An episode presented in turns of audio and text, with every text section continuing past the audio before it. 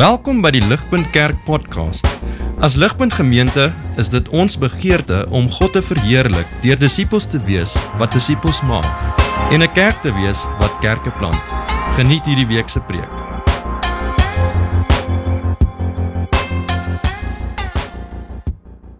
Right, nou uh vanaand gaan ons 'n bietjie kyk wat beteken dit as ek sê Jesus is die Here of die baas van my lewe en hoe lyk dit by by die huis en in my huwelik en hoe lyk dit by die werk? Nou, ek weet nie of julle bekend is met die term van 'n uh, 'n afgevaardigde of 'n delegate nie. Nou 'n delegate is is iemand wat gemagtig is om in belange van 'n uh, ander persoon of 'n beheerliggaam op te tree. Nou hierdie afgevaardigde voer hierdie persoon of kom ons noem dit nou die baas se opdragte uit en so as jy daardie opdragte en daardie instruksies teenstaan is dit net sowel jy weer staan hierdie baas. Nou 'n delegate is soos iemand soos 'n minister wat in die belange optree van die regering of 'n uh, 'n best man of 'n bridesmaid wat optree in die belange van die bruid of die bruidegom in afwagting op daardie groot dag. En die sad ding is dat in ons Suid-Afrikaanse konteks nê as jy as jy minister hoor of jy hoor best man, dan dink jy onmiddellik aan korrupsie en ramppartytjies, nê. Nee. En uh meeste van julle ouens wat nou hierso sit, ek het net nou so 'n bietjie met Annelie ook hierso gechat en ek het al met Ruben gechat, so ek weet meeste van die ouens wat nou hierso sit is in daardie fase van julle lewens wat of jy staan op trou of uh jy al jou pelle rondom jou um staan op trou en dalk is trou vir jou nou net om die draai. En uh so dalk is jy best man of 'n 'n bridesmaid en dit is nie vreemd in ons kultuur um dat van die genooide gaste dalk kan verwag dat jy ietsie stouts gaan reël nie, nê. Nee. En um dit is dit is nou baie sad, maar ek meen in baie van hierdie partytjies in afwagting op die groot dag dan um is dit die best man of die bridesmaid wat sorg dat daar baie drank is en sommige gaan so ver deur om ontkleed dansers te organise. En en die vraag is wat sê dit van die bruid of die bruidegom? Ek meen hulle het jou geken. Hulle weet wie jy is en hulle het jou toevertrou om die dingetjies reg te kry vir hierdie groot dag. So 'n afgevaardigde of 'n delegate is nie net verantwoordelik om die wil of die instruksies uit te voer van die gesag wat agter hom of haar staan nie. Maar hy het ook 'n impak op hoe die mense daardie gesag sien. So, hoekom sê ek nou vir julle al hierdie dinge? Die rede hoekom ek dit vir julle sê is omdat ons teks eintlik vanaand nie by vers 18 begin nie, maar eintlik by vers 17. So ek wil vir julle daai teksgedeelte daarso lees. Ek dink dit sal op die bord verskyn. Kolossense 3 vers 17 wat sê en wat julle ook al doen in woord of in daad doen alles in die naam van die Here Jesus en dank God die Vader deur hom. En dan volg vrouens wees aan julle mans onderdanig mans hulle vrouens lief etc. So jy wat 'n Christen is doen alles en en dit beteken alles wat by jou mond uitgaan en alles wat jy met jou lyf verrig, of dit nou 'n baksteen is wat jy optel of 'n WhatsApp is wat jy tik of 'n lat is wat jy swaai of 'n party is wat jy reël, alles doen doen jy in die naam van die Here Jesus. So jy is sy delegate. Jy is sy afgevaardigde, sy verteenwoordiger en hy is jou baas. En jou baas wil hê dat jy sy wil moet uitvoer as sy verteenwoordiger. So nou ons het nou in hierdie reeks Jesus plus niks uh gekyk 'n bietjie hierso. O, Jesus, hierso val hierdie ding af. Skus. Ons het nou so 'n bietjie gekyk wat beteken dit um as ons sê wat beteken dit as ons sê Jesus plus niks? Wie is hierdie Jesus wat ons nodig het? Ons het niks meer as hom nodig nie en niks minder as hy nodig nie. Ons het gekyk na sy CV in uh Kolossense 1 vers 15 tot 20. Ek meen, hy is die skepper van alle dinge. Hy is die baas van alle owerhede en magte. Kolossense 1 vers 16, 2 vers 10. Hy is die hoof en die kop van sy liggaam wat die gemeente is. Ehm um, Kolossense 1 vers 18 en sy lewe, dis is hierdie is belangrik.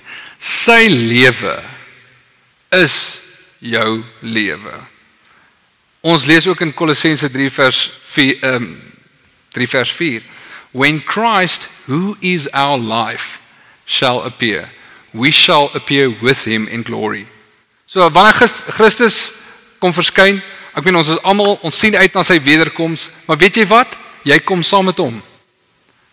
Want hy is jou lewe. En ehm um, ek weet nou nie of julle wie wie was hier toe Poen gepreek het. Kan ek sê ja, okay, hier's 'n paar ouens wat hierso was toe Poen gepreek het en hy het so 'n awesome voorbeeld gebruik om ons verbintenis met Jesus te illustreer. Ek kon daai nog hy het ietsie gesê van ons is verbind aan Jesus so Siamese tweelinge verbind is aan mekaar. Jy weet, as die een besluit hy gaan links, dan gaan die ander een ook met links gaan. As die een besluit hy wil regs gaan, dan gaan die ander een ook met regs gaan. Hulle deel dieselfde bloed. Hulle is so, so verbind aan mekaar. Hulle deel mekaar se lewe. En op 'n soortgelyke manier is ons nou ook verbind aan Jesus. Ons deel sy lewe.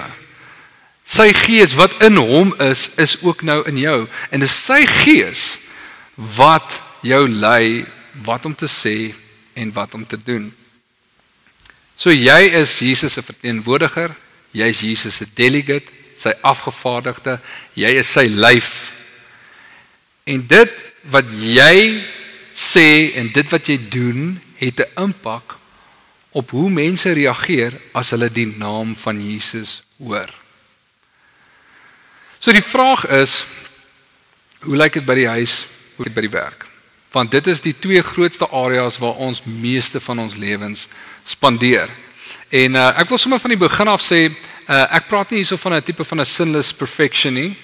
Um in Johannes 1 vers 10 sê vir ons if we say we have not sinned we make him a liar and his word is not in us. Alright. So ons almal van ons wat hier sit, het sonde en ek definitief het ook sonde. Maar jy kan 'n voorbeeld wees van God se reddende genade as jy wegdraai van hierdie verkeerde lewenstyl en begin bekeer na hierdie lewenstyl wat Jesus se lewe kenmerk en op daardie manier kan jy vir Jesus verheerlik.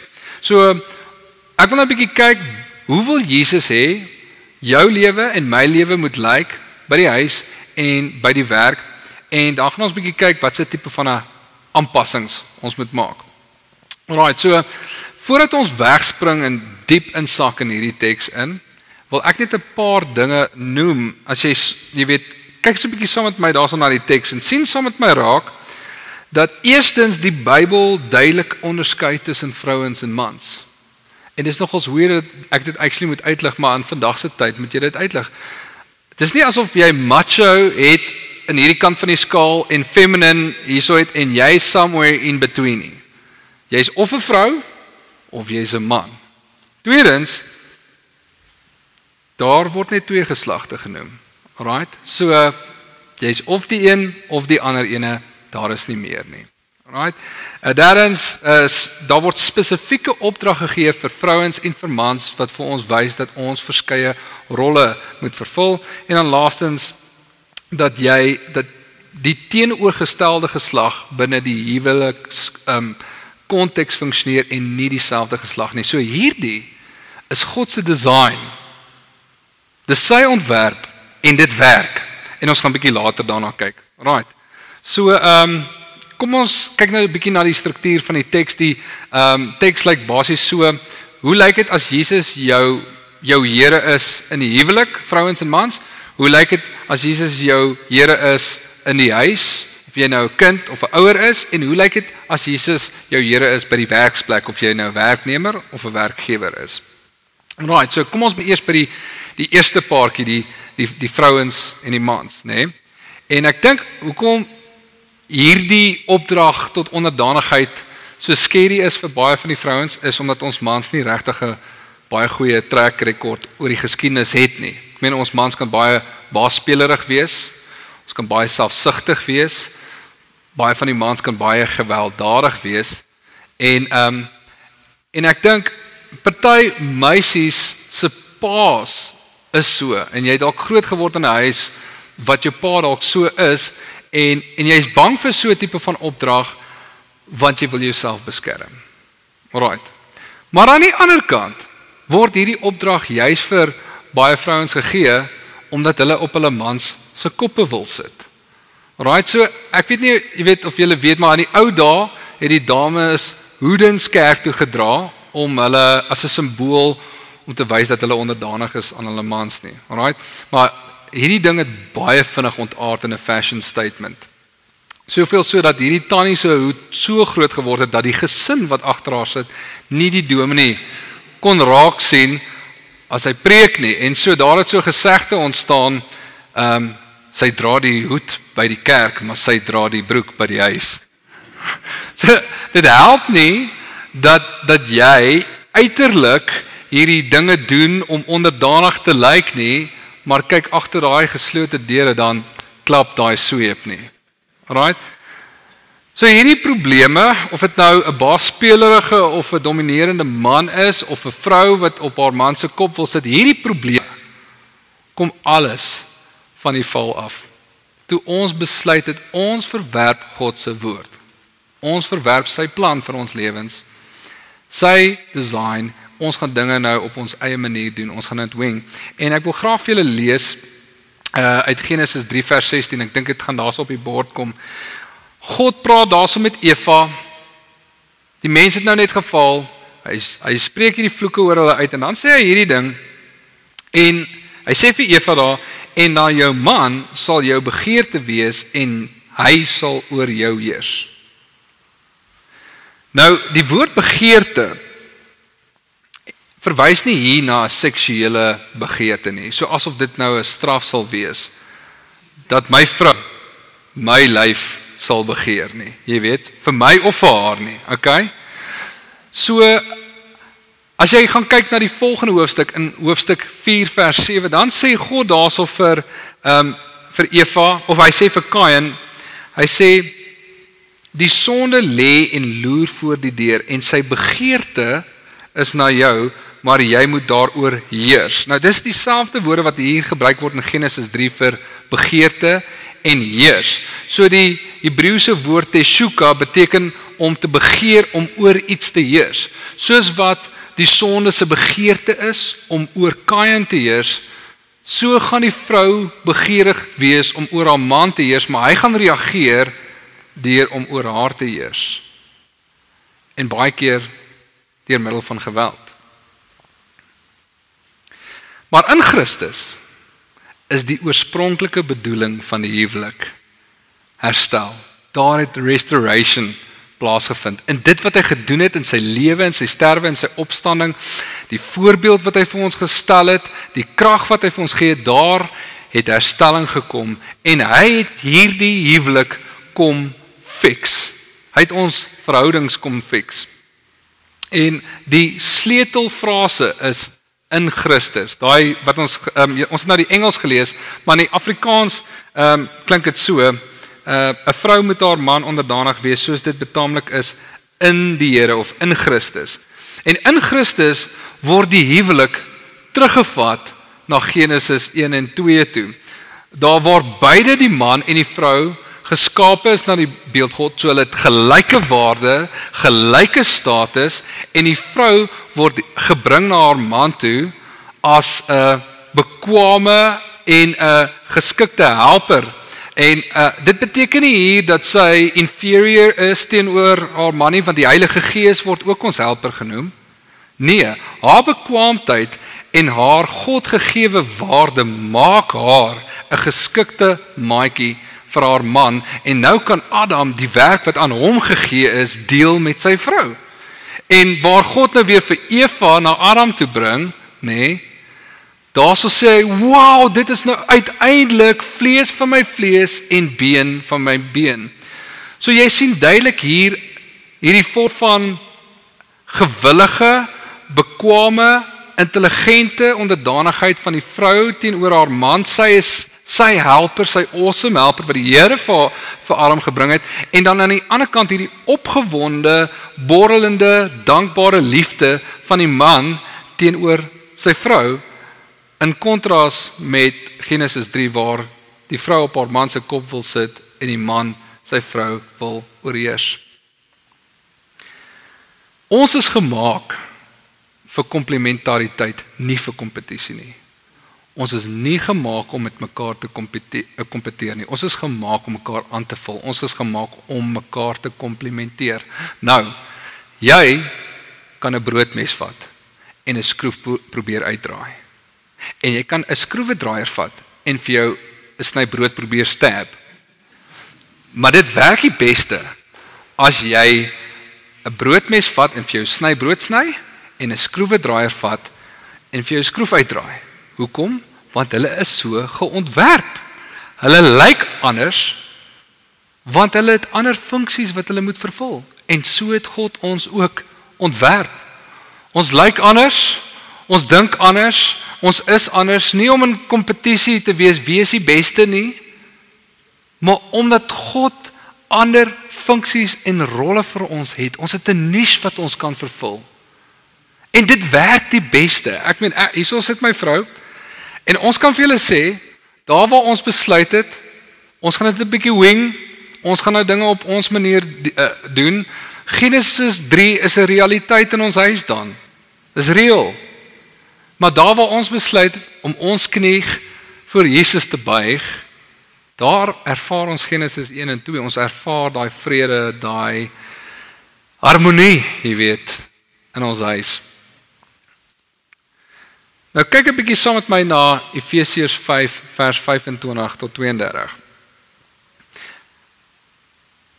Manne, julle moet julle vroue lief hê soos Christus ook die gemeente liefgehad het en homself daarvoor oorgegee het om dit te heilig nadat hy dit gereinig het met die waterbad deur die woord sodat hy die gemeente voor hom kon stel verheerlik sonder vlek of rimpel of iets dergeliks maar dat dit heilig en sonder gebrek sou wees te sê hier is my vrou sy sy skoon So behoort die mans hulle eie vroue lief te hê soos hulle eie liggame. Wie sy eie vrou liefhet, het homself lief. Want niemand het nog ooit sy eie vlees gehad nie, maar hy voed en koester dit, net soos die Here die gemeente, want ons is lede van sy liggaam, van sy vlees en van sy bene. Hoor julle Genesis 2 taal daarso, né? Nee? Daarom moet die man sy vader en sy moeder verlaat en sy vrou aankleef en hulle twee sal een vlees word. Weer eens Genesis 2. Hierdie verborgenheid is groot, maar ek sê dit met die oog op Christus en die gemeente. So Jesus het sy vrou, sy bruid, die gemeente lief met 'n opofferende liefde. Dis hoe sy leierskap lyk. Opofferende liefde. Hy koester sy vroutjie. Hy maak hom mooi.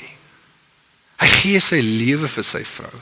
En dis hoe die mans hulle vrouens moet lief hê. So Jesus het die huwelik kom herstel. Hy het hierdie restoration kom bring.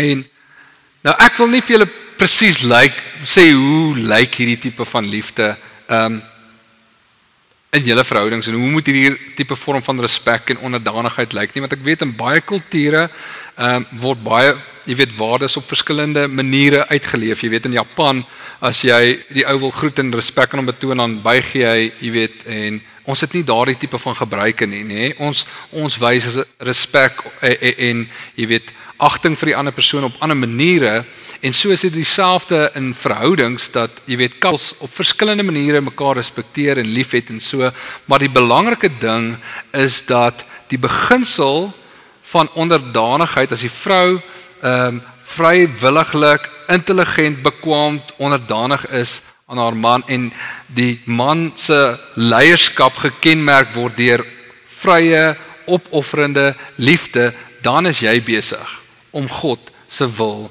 uit te leef vir jou lewe en vir die huwelik. Nou ek wil nou wel net ietsie sê vir die ongetroude klomp hierso uh, onder julle ehm um, En ek dink dit het betrekking op dit wat die teks sê. Eerstens, Vrouens, as jy nou nog nie getroud is nie, kies vir jou 'n man wat jy kan respekteer. As as jy weet jy gaan onderdanig moet wees aan hierdie ou, moenie vir jou 'n ou kies wat jy nie kan respekteer nie. Moenie moenie ou kies wat 'n boelie is nie. As jy hom nou al wil change, nê? Nee, of dink, nee, maar hy gaan nog verander. Hy mag miskien cute wees. Hy mag miskien baie oulik wees. Maar die vraag is, is hy 'n godsman? Is hy in Christus? En ek praat nie hierso van die ou is perfek nie, want nie een van ons is perfek nie. Ek praat hier van die basiese karaktereienskappe van 'n godsman, 'n disipel van Jesus. Is hy gehoorsaam aan Jesus?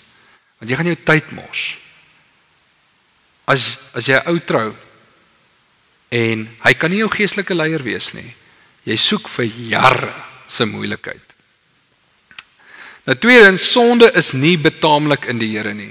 Jy kan nooit jou man in sonde volg nie. So as hy wil jou betrek by 'n bedrogspel uh of hê dat jy R-rated movies saam met hom check, kan jy hom nie daarin volg nie. Want Jesus is beide jou en jou man se baas. En jou onderdanigheid aan jou man is maar net 'n 'n uitdrukking van jou onderdanigheid aan Jesus.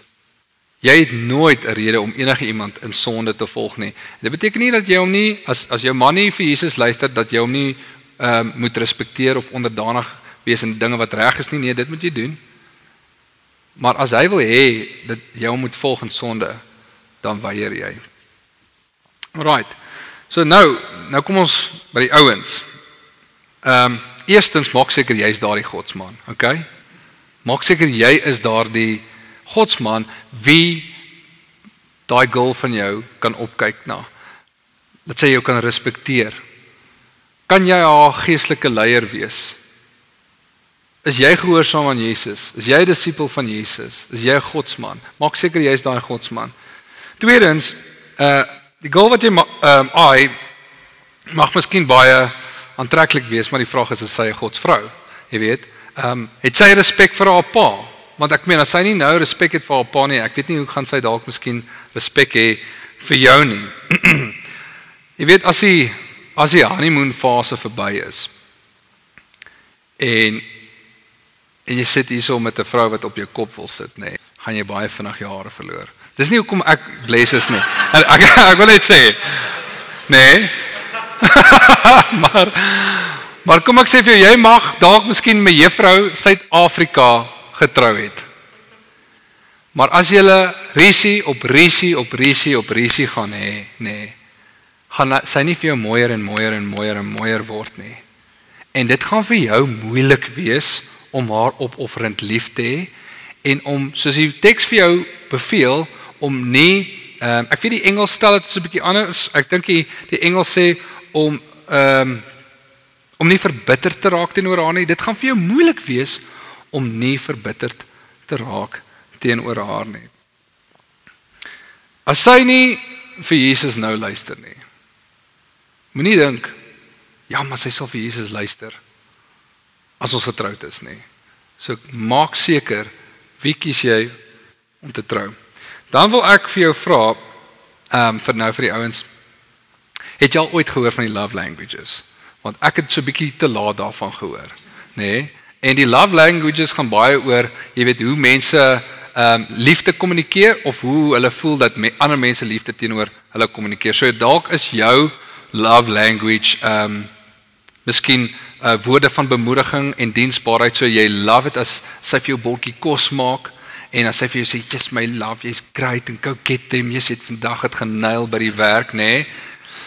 Maar dis nie noodwendig haar liefdestaal nie haar love languages is dalk kwaliteit tyd en en geskenkies en so die uh, die bottom line is is vind wat haar geliefd maak voel wat Anders dan gaan jy dink, "Jessie, maar ek het hierdie week vir haar die kar gewas en ehm um, ek het vir gesê wat 'n great job sy met die kinders doen en sy is nog steeds ongelukkig."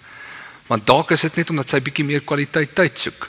Jy weet, en, en dalk soek sy elke nou en dan net elke bossie blomme of eh, 'n uh, geskenkie of ietsie wat sê ek is crazy oor jou. So maak maak seker wat laat haar geliefd voel of om die Bybelse taal te gebruik, koester haar.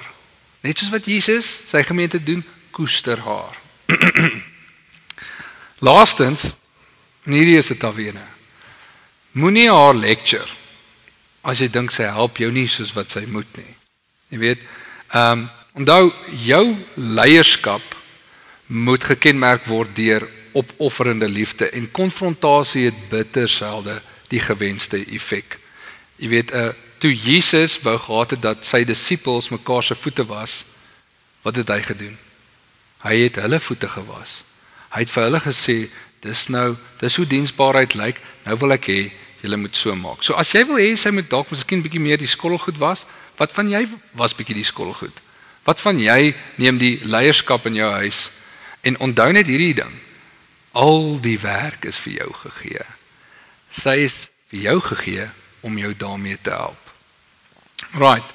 So dit is nou die opdragte aan die vrou en die man ten opsigte van die huwelik.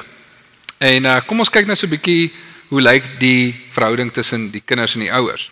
Nou, weer eens, meeste van julle ouens wat nou hierso sit is of ongetroud of jonk getroud, nê. Nee, so ehm um, maar ek dink ek gaan nie verkeerd sê wees as ek sê 99% van julle wat ongetroud is dink aan troue nie, nê? Nee? So correct me if I'm wrong, maar ek dink pretty much almal van julle dink aan om te trou of jy is getroud, nê? Nee?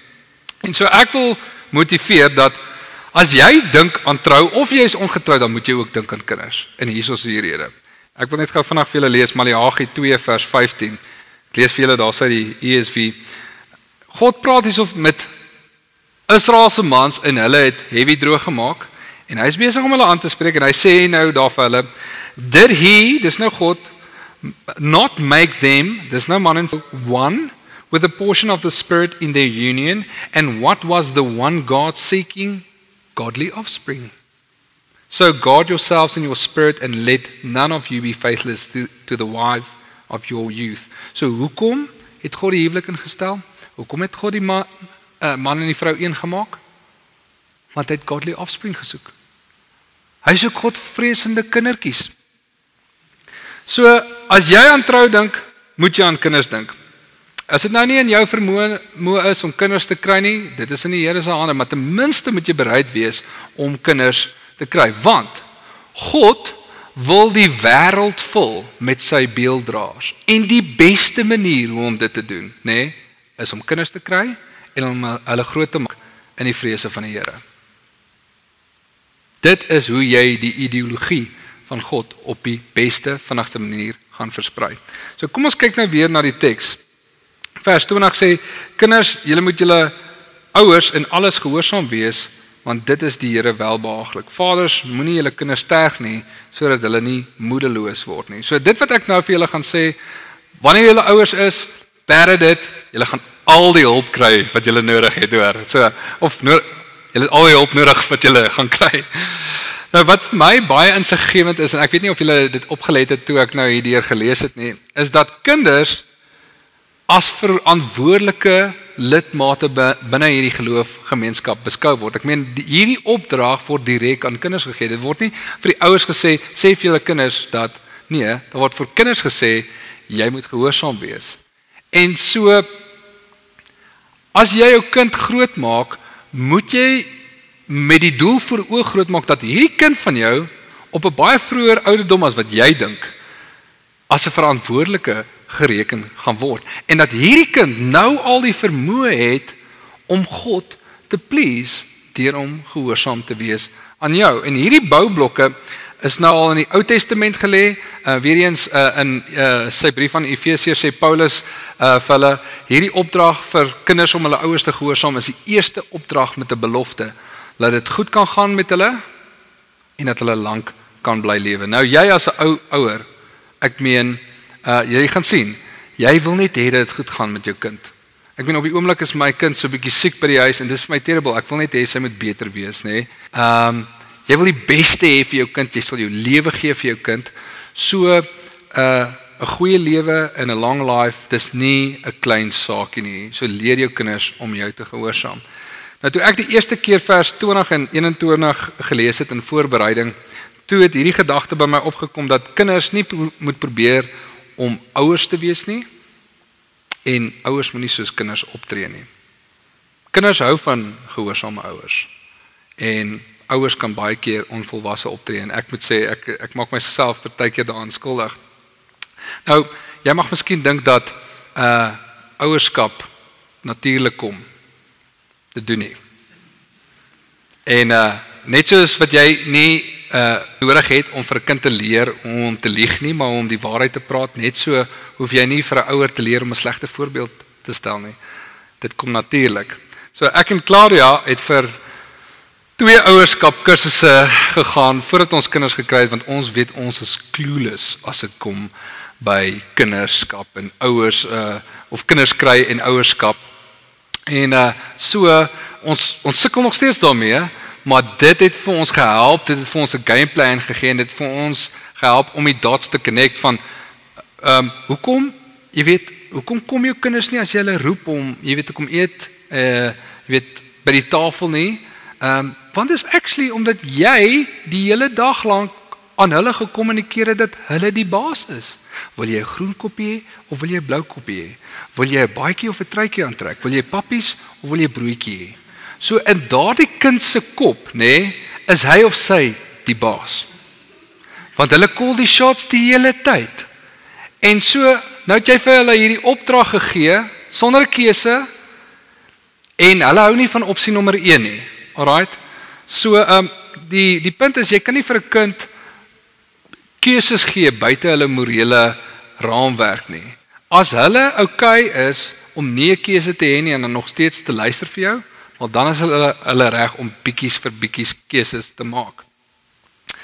Alraight. Ehm um, baie keer en ek dink dis nie miskien in al die gevalle so nie, maar in meeste gevalle is stoute kinders die produk van stoute, afwesige en lui ouers. Ouers moet dit vir hulle kinders maklik maak om hulle te gehoorsaam. Jy moet jy, jy kan nie net verwag van jou kind dat hy in 'n sekere situasie moet jy weet op 'n sekere manier optree. Jy moet daai kind letterlik train. As jy wil hê hulle moet ander mense groet, moet jy letterlik gaan en sê, "Oké, okay, ons gaan nou oefen. Ek is Tannie Sunny. Ek kom by die deur in en dan gaan jy sê, "Hallo Tannie Sunny." En dan jy weer gaan sê, "Hallo." Jy weet, so jy moet letterlik saam met hulle deur daai emotions gaan. En dit help nie jy kom in hierdie situasie in jou laaitie het jou epically embarrassed nie. En dan gee jy hom die pak slaaf van sy lewe, maar jy het nie vir hom verduidelik hoe hy in daardie situasie moet optree nie. Jy het nie die standaard gestel. You lay down the law. En dan dink jy hy moet nou optree, maar jy het hom nie ingeoefen nie.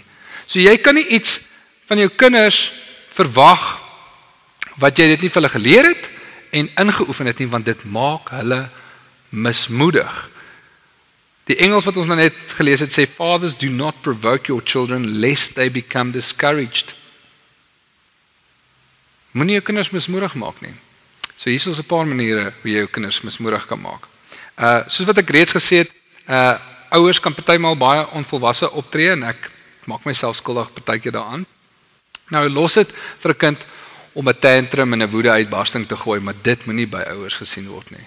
My pa het my geleer, um 'n goeie leier is iemand met 'n sagte stem en 'n groot stok, nê? Nee? So dit beteken jy toon respek aan jou kinders, maar maar hulle weet waar hulle met jou staan as dit kom by dissipline. Uh so jy behandel jou kinders met respek want jou kinders is net soos jy in die beeld van God geskape. En jy kan hulle nie met disrespek hanteer nie. En ek bedoel nie hierby dat jy uh, nie moet ferm wees nie en hulle nie moet dissiplineer nie, maar sien maar wanneer jy hulle dissiplineer, wat doen jy? Gil jy en skree jy op hulle? Verkleineer jy hulle? Want dit maak hulle mismoedig. Nou, ehm um, nog 'n manier om jou kinders mismoedig te maak is inkonsekwentheid. Vandag sê vir hulle uh jy mag nie die, uh, of jy mag nie die ding doen nie, maar Of kom ons stel dit anders. Vandag mag hulle die ding doen en dan môre dan doen hulle presies daardie selfde ding. Dan freak jy uit. En dit maak hulle mismoedig. Ehm um, nou die Afrikaanse vertaling praat hier van terg in vers 21. Nou los dit vir kinders om te taart en te terg. Maar moenie dit moenie by ouers gesien word nie. As jy vir nou een keer mooi verduidelik het dat hierdie ding nie die regte ding is nie, moenie aanhou en aanhou en aanhou en aanhou hamer op daai ding nie. Moenie haar verklein neer en spot as sy nie die ding gekrak het nie. Dit maak hulle mismoedig. En en weet julle wat, nee, ek weet party van ons kom dalk uit sulke huise uit, nê, nee, waar jy slegte voorbeelde gekry het. Jou ouers ehm um, is dalk nie Christene nie. Ehm um, of maybe is jou ouers Christene, maar hulle hulle woorde en hulle aksies getuig nie van die Here nie. Eerstens wil ek net vir jou ehm um, sê dat in Christus, ons het en ons het vanaand vroeg daarvan ekskuus. hoe goeie hoe goeie Vader God is en dat hy vir ons geskenke gee wat ons nie verdien nie. Ek dink dit was die eerste liedjie gewees. Jy het dit so gekies nê nee, vir daai rede. Yes. Cool. Skielik, maar in Jesus het jy die perfekte pa. En Jesus is die perfekte bruid vir sy vrou. Jy mag dalk uit 'n gebroke huis uitkom, maar Jesus het vir ons hierdie voorbeeld kom stel. So daar's hoop vir ons, maar ek wil vir jou sê, so so reël soos wat sy genade is, so reël is jou verantwoordelikheid by die huis. En En die sê ding is baie ouers loop rond met die naam van Jesus op hulle lippe, maar hulle woorde en hulle werke getuig nie daarvan by die huis nie. Ek het dit chom. Ek meen as kind eh, of nie kinders nie, ons was jonk en ons het saam gospel liedjies geskryf vir ons het saam in 'n gospel band gejol, maar as sy pa hy was betrokke by die kerk, maar hy het heavy droog gemaak by die huis en vandag wil daai chom vir my niks van Jesus hoor nie. Hy wil niks te doen met die naam van Jesus nie. So as God die wêreld wil vul met sy beelddraers, het ons 'n verantwoordelikheid as kinders van Jesus om die naam van Jesus aantreklik te maak by die huis en dan in die breër konteks by die werk. En dit bring ons nou by die werksplek. So als wat ons sê en doen in ons huwelike en by die huis moet in die naam van Jesus gedoen word want ons is sy tickets ons voel, uh, wil sy doelwitte bevorder en ons wil ons baas goed laat lyk en dit geld net so by die werksplek. So ek wil net weer vir julle daai stukkie lees um, van uh, die werksplek sodat ons net ons gedagtes bietjie weer kan verfris. Um, daar lees ons in vers 22 jy kan saam met my lees. Diensknegte Julle moet julle Here na die vlees en alles gehoorsaam wees, nie met oordien soos mense behaars nie, maar in eenvoudigheid van hart, omdat julle God vrees. En wat julle ook al doen, doen dit van harte soos vir die Here en nie vir mense nie, omdat julle weet dat julle van die Here die erfenis as vergelding sal ontvang, want julle dien die Here Christus. Maar wie onreg doen, sal die onreg wat hy gedoen het terugontvang en daar geen aanneming van die persoon nie. Die Here het nie wit broodjies nie. Betoon reg en billikheid, Here, aan julle diensknegte omdat julle weet dat hulle ook 'n Here in die hemel het. Nou, net soos wat julle ouens ehm uh, wat aan trou dink, ook aan kinders moet dink, net so moet jy wat wat besig is om te swat, dink aan die werksplek. En en as ek my kar na 'n mechanic toe vat, dan hoop ek, nê, nee, hy's nie 50 tot 60% bekend met die werk wat hy op my kar moet doen nie.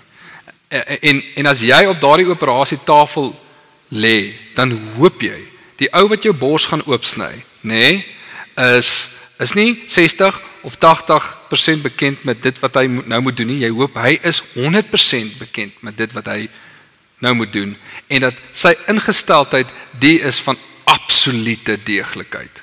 Alraight. So so die vraag is wat is jou houding ten opsigte van jou swattings? Want dit is dis hoekom jy dit doen, hè? Jy wil die werksplek betree. En as ek 'n baas is, soek ek nie iemand wat nie betroubaar is of lui is om op daar op te dag vir werk nie. Ek soek iemand wat betroubaar is. Ek soek iemand wat eerlik is en ek soek iemand wat bekend is met sy veld. En so as jy vir Jesus nou gaan werk as hy jou baas is, nê? Nee, Dan is die vraag, hoe lyk jou ingesteldheid met jou swattings want as jy weet dat hy jou baas gaan wees, jy dat jy uiteindelik vir Jesus gaan werk, gaan dit jou ingesteldheid bietjie dit dit dit gaan 'n effek hê op hoe jy jou swattings benader. Nou, sommige van ons was lanklaas in die skool gewees en so ek onthou julle nog daai woord redegewende voegwoord, nê? Nee? Nou, dit beteken dis 'n woordjie ehm um, wat verduidelik hoekom iets so is. En hierdie laaste ehm um, 5 verse wat ons gelees het, is daar vier sulke woorde wat vir ons die logika gee van hoekom hierdie opdragte vir ons gegee word. En ek gaan vir julle hierdie vier ehm um, redegewende voegwoorde uitlig. Ek dink dit sal vir julle op die skerm ook opkom.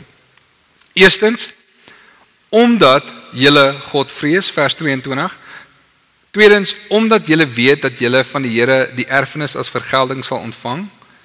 Derdens, want julle dien die Here Christus en vierdens, omdat julle weet dat julle ook 'n Here in die hemel het. So, hierdie is die motivering vir die opdragte wat aan werknemers en werkgewers gegee word. En let op die laaste twee, ehm um, daai laaste twee opdragte, ehm um, een want julle dien die Here Christus wat aan die werknemer gegee word En dan twee, omdat jy weet dat jy ook 'n Here het en dit word aan die werkgewer gegee en en die bottom line is hierdie is hierdie is dieselfde ding wat gesê word maar net op twee verskillende maniere. En so die bottom line is is Jesus is die baas beide van die werkgewer en die werknemer. So wat geld vir die werknemer geld ook vir die werkgewer. En so ultimately ehm um, is Jesus hulle baas. Hulle vertolk net ander rolle. So ehm uh, die motivering vir die een moet net so die motivering wees vir die ander ene. So ehm um, van beide word daar verwag dat hulle vir God sal vrees, ehm um, dat hulle hierdie ontsag sal hê van wie hy is. Ek meen ons het gehoor Kolossense 1 vers 15 Hy is die skepper van die heelal. Hy is die baas van alle owerhede en magte. Met ander woorde, hy is die baas van jou baas. OK? En hy is met jou. Hy is die hoof van die kerk en jy's deel van die sy gemeente, jy's deel van sy lyf. So jy lewe met hierdie kennis van wie Jesus is. Jy het hierdie ontzag vir hom en daardie wysheid, nê, nee, of daardie vrees bring hierdie wysheid mee wat vir jou leer. Hoorie, Jesus is jou baas. En hy is uiteindelik ook jou pynmeester. En dit sal jou motiveer en dit sal vir jou ook 'n waarskuwing gee. Ehm um, die die een is die motivering is moenie worry nie, Jesus, hy is jou pynmaster. En die waarskuwing is is as jy as jy kies om droog te maak, moenie worry nie, jy sal kry wat jy kies en hy sal seker maak daarvan. Alraight. Nou daar is bitter min dinge in vandag se tyd soos soos COVID wat die vergrootglas op die issues by die werkplek gesit het. Ehm um, ek dink uh weens lockdown en baie reëlings rondom regulasies om die uh, jy weet virus te versprei uh soos isolasie en daai tipe van goeders het dit baie druk gesit op baie besighede. En ehm um, of jy nou in die musiekbedryf is, jy kan nie meer shows doen nie. Ehm um, hotelbedryf, jy weet mense kom nie meer na jou uh bed and breakfast toe nie. Ehm um, of jy nou 'n prokureur, uh, ek meen selfs 'n uh, rekenkundiges uh selfs gesondheidswerkers, ek dink is uh, reg om te sê dat alle alle industrieë is hierdeur geaffekteer. En daar's baie issues wat nou uh alreeds daar was maar wat nou net groter gemaak is. En so daar's baie ouens wat nou sonder werk sit en baie van die dames wat na my klas toe kom, ek gee kunsklasse, um, wat vir my nou gesê het is hoorie ek ek kan nie meer jou klasse betaal nie, uh want my man het sy job verloor of of ek kan nie meer werk nie. Um Ek onthou, jy weet, die hierdie hele gedagte van gaan dit genoeg wees? Gaan dit wat die salaris wat ek kry, gaan dit gaan dit vir my help? Gaan dit vir my gesin sorg? En so daai stres is reëel. En ek onthou toe net voordat ek en Claudia getrou het, ehm um, in die oggende as ek opgestaan het, my hare letterlik op die kussing gelê. Dis hoekom ek bless as julle. Dis dis die Dis nie my vrou wat op my kop sit nie. Maar ehm um, ek het gestres oor gaan ek vir my vrou kan sorg en ehm um, gaan my salaris genoeg wees. En ek onthou 'n maand voordat ons getrou het, het my klasse 'n movie se boost gekry. So daar was genoeg gewees vir my om vir my vrou te sorg, maar daai stres is reëel.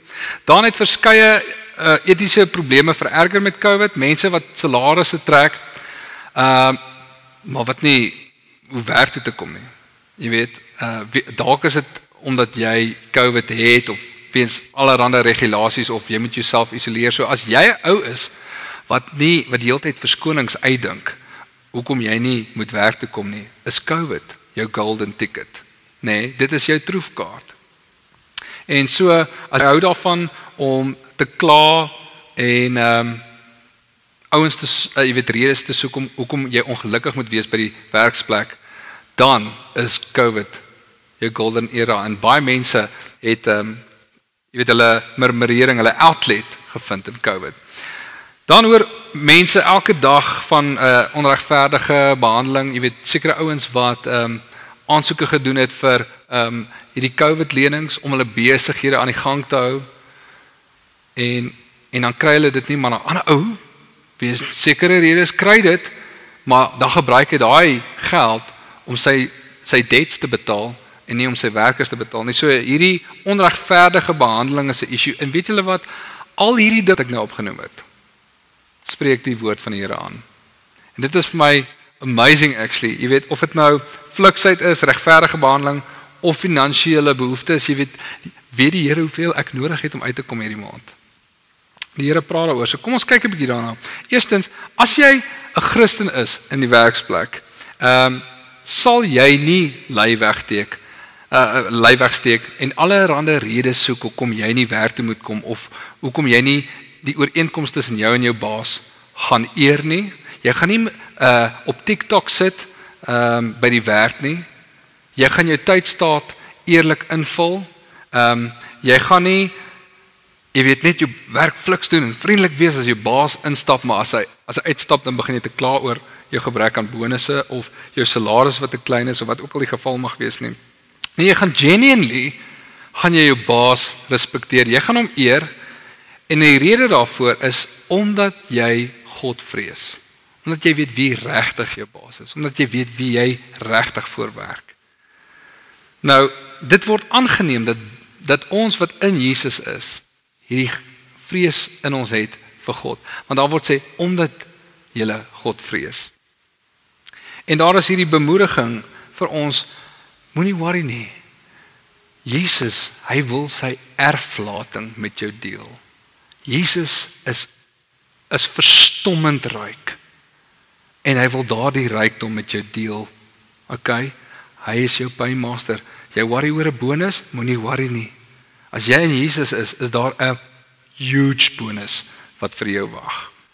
Right? Maar daar's ook 'n waarskuwing. Hy het nie witbroodjies nie. So as jy gaan kies om droog te maak, jy sal kry wat jy kies. Nou as jy 'n Christen direkteur, 'n CEO of 'n manager van soorte is, gaan jy nie bekommerd wees hoe jou werkers gaan betaal nie, want ek weet dit is vir baie ouens nou regtig 'n bekommernis hoe ek kry revenue in nie, hoe my werkgewers of my werkers betaal. En so dalk wil jy dalk dink aan jou eie sake en hoe jy jouself gaan cover. Maar Ek uh, daar's 'n stukkie in die woord 1 Petrus 5 vers 7 wat vir my so bemoedigend was toe ek hierdie gedeelte bestudeer het. Werp al julle bekommernis op hom want hy sorg vir julle. So jou baas in die hemel het al die hulpbronne tot sy beskikking en sy arm is nie te kort om jou te help nie. Uh Hebreërs 13 vers 5 sê ook vir ons julle gedrag moet vry van geldgierigheid wees. Wees tevrede met dit wat jy het, want hy het gesê ek sal jou nooit begewe en jou nooit verlaat nie.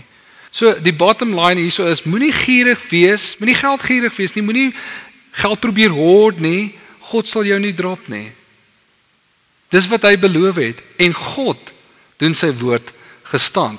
So of jy nou 'n werknemer of 'n werkgewer is, Wees meer besorgd oor hoe jy Jesus se naam uitdra in die werksplek. Het sy dit nou met die manier is hoe jy besigheid doen, werk doen vir jou baas of hoe jy jou werkers behandel? Wees meer besorgd daaroor as 'n stewige bankrekening, want hy het gesê hy sal jou nie drop nie. Soek allereers die koninkryk van God en sy geregtigheid en al hierdie dinge sal vir jou bygevoeg word. Nou ek sluit af.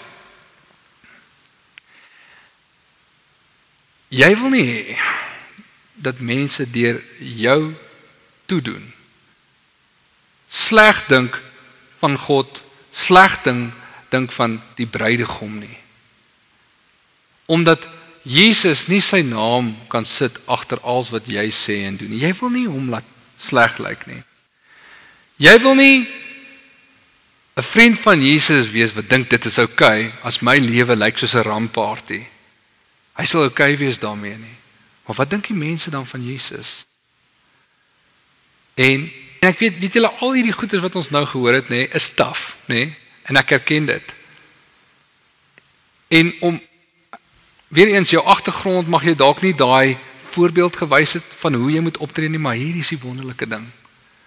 My lewe is Christus.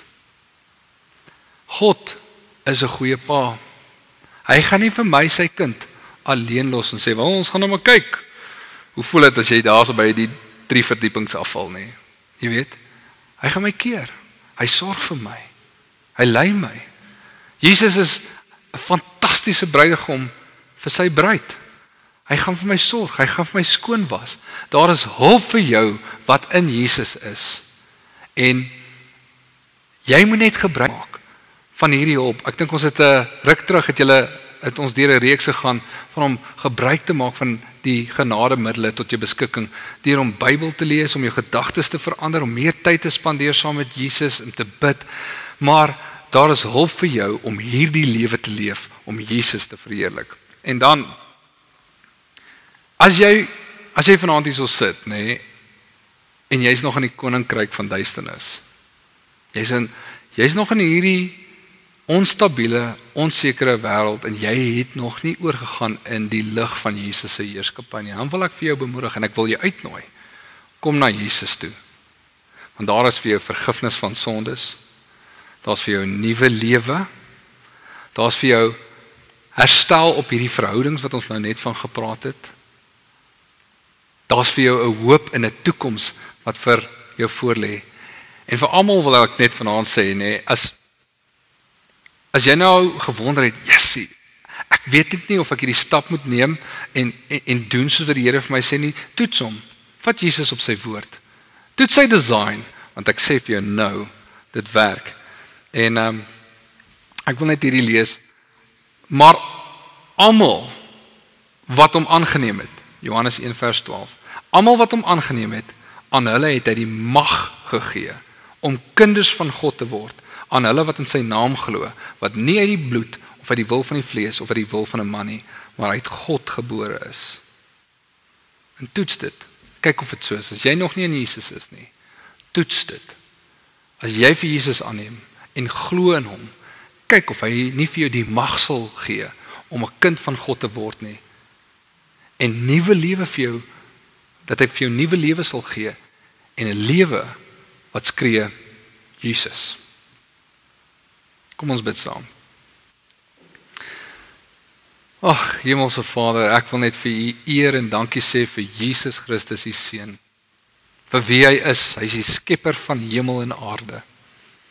Hy is die baas van alle owerhede en magte. Alles is deur hom, vir hom en tot hom geskape, of dit nou in die hemel is of dit nou op aarde is. Alles is syne. Hy is die hoof van die kerk wat sy liggaam is, die volheid van hom wat alles in almal vervul. Here en ons is so dankbaar dat ons kan deel wees van sy lyf. Dat sy lewe ons lewe kan word. En Vader, so ons kyk na onsself. Ons sien ons gebrek, maar ons kyk na Jesus en sien sy krag. En ons vra Here asseblief, kom en verander ons. Mag ons lewens Mag ons woorde en ons aksies Jesus sê sodat U al die heerlikheid mag kry, Here. En so, Here, dat ons ons lewens vervulling in Jesus mag vind. Ons vra dit als in U wonderlike naam. Dankie, Here. Amen. Vir meer inligting oor Ligpunt Kerk, besoek gerus ons webwerf op www.ligpunt.com of kontak ons gerus by info@ligpunt.com